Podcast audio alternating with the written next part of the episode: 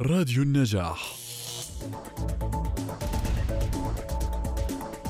تقدم الجمعية الوطنية يوم الاثنين بتاريخ التاسع والعشرين من شهر نوفمبر ملتقى سند للرعاية البديلة في دورته الثالثة الذي يتحدث عن خبرات واقعية وشباب مروا بالتجربة وبيوت رعاية قدمت أنماطا مختلفة من المساندة وذلك للاستماع أكثر عن احتياجاتهم. يبدأ المؤتمر في تمام الساعة السادسة والنصف مساء عبر تطبيق زوم